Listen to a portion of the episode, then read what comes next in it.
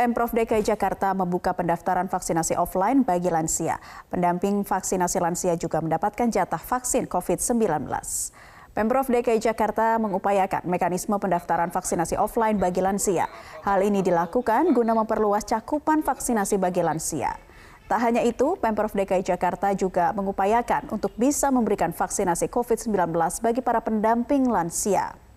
Wakil Gubernur DKI Jakarta juga berencana tidak menutup kemungkinan akan menggandeng pihak ketiga guna mempercepat program vaksinasi COVID-19 bagi lansia. Jadi terkait vaksin kan yogyanya dilakukan secara online dan semua dihubungi melalui sistem ya. Namun demikian untuk mempercepat apalagi saudara-saudara kita yang lansia umumnya gaptek lah kira-kira begitu ya atau tidak menggunakan handphone, Android dan sebagainya maka dimungkinkan dilakukan secara offline ya.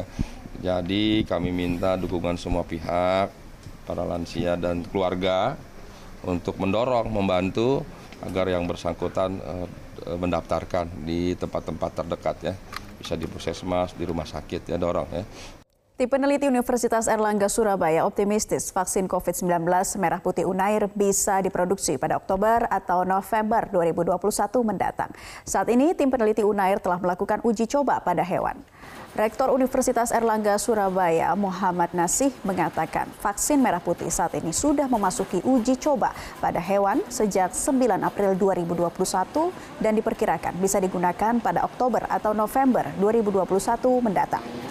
Saat ini uji coba pada hewan khusus yang hanya ada di Amerika Serikat ini dilakukan dengan cara disuntikan.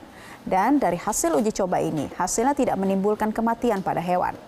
Selanjutnya, apabila uji klinis pada hewan selesai dilakukan, akan dijadwalkan uji coba pada manusia sekitar September hingga Oktober 2021 mendatang.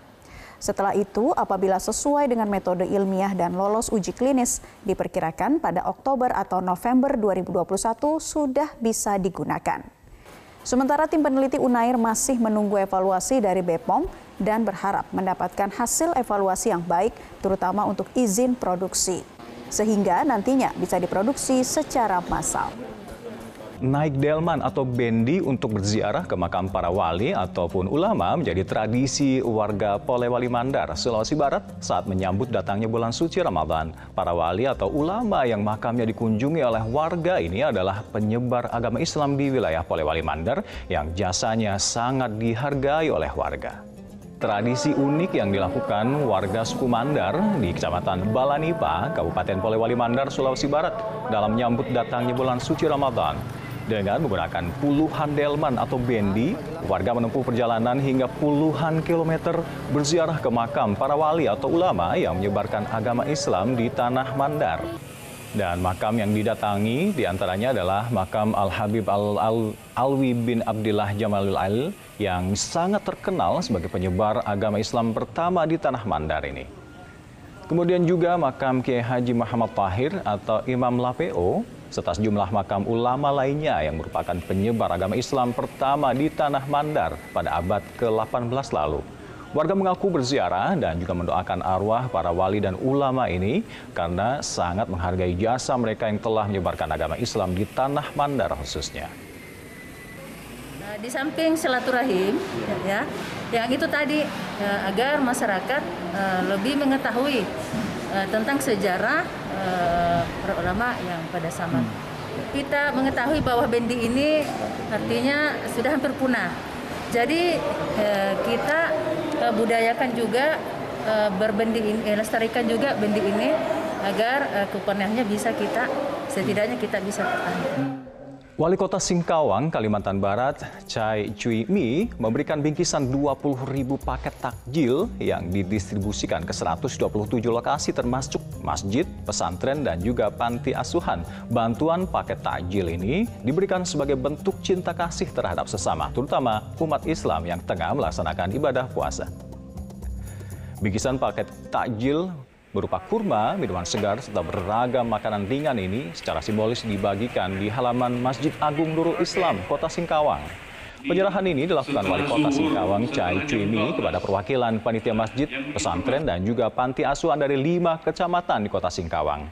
20 ribu paket takjil didistribusikan ke 127 lokasi termasuk masjid, pesantren, juga panti asuhan.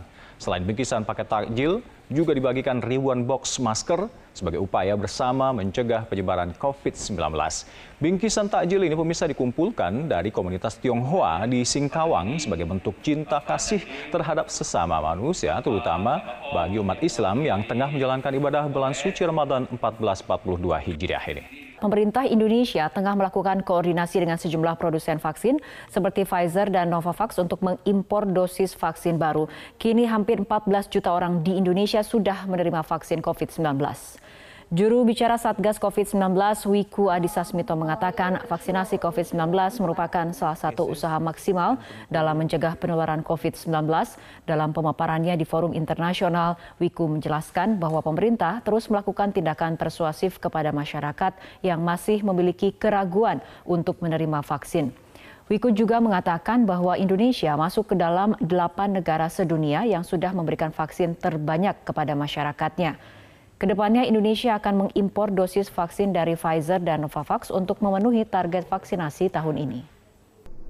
Oktober 2021 sehingga bisa diproduksi. September Oktober ya. Bisa diproduksi pada akhir uh, 2021 ini. Itu untuk yang UNER ya. Dia uh, UNER akan bermitra dengan industri farmasi PT Biotis ya. Ini memang PT Biotis juga dalam waktu dekat sudah akan keluar uh, good, man, good manufacturing practice-nya sertifikat cara pembuatan obat yang baik mudah-mudahan tidak ada masalah dalam bulan depan mungkin ya uh, bulan Mei dan uh, harapan kita memang pada akhir 2021 kita sudah bisa ada satu uh, vaksin merah putih yang bisa uh, dihasilkan oleh bangsa ini.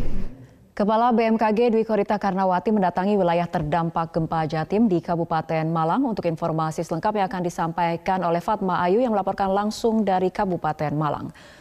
Fatma, apa hasil dari cek lapangan Kepala BMKG di Kabupaten Malang sore ini?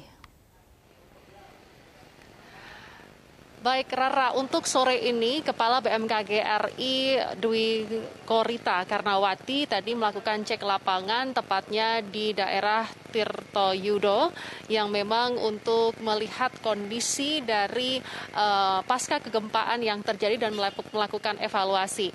Dari hasil cek lapangan tadi yakni melihat kondisi kerusakan yang sedemikian parah sehingga uh, tadi uh, Kepala BMKG menyebutkan bahwa perhitungan dari magnitudo maupun intensitas skala guncangan sendiri ini tidak besar, namun yang menjadi pertanyaan mengapa kerusakan ini bisa uh, parah dan juga menyebabkan ribuan rumah uh, mengalami kerusakan berat dan hingga uh, berat, sedang dan juga ringan.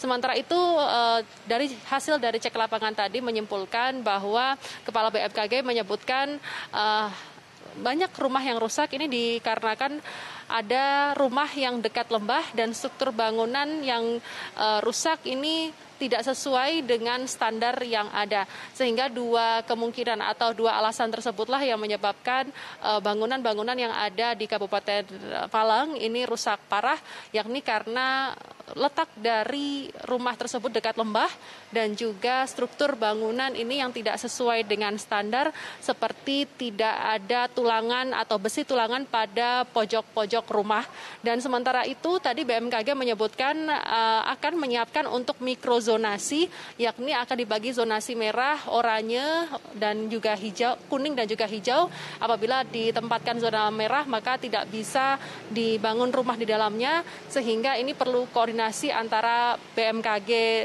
hingga tingkat PMKG daerah dan juga ke kepala daerah yang ada di Kabupaten Malang agar uh, masyarakat ini jika nantinya akan membangun kembali ini tidak membangun kembali di daerah-daerah yang berada di zona merah.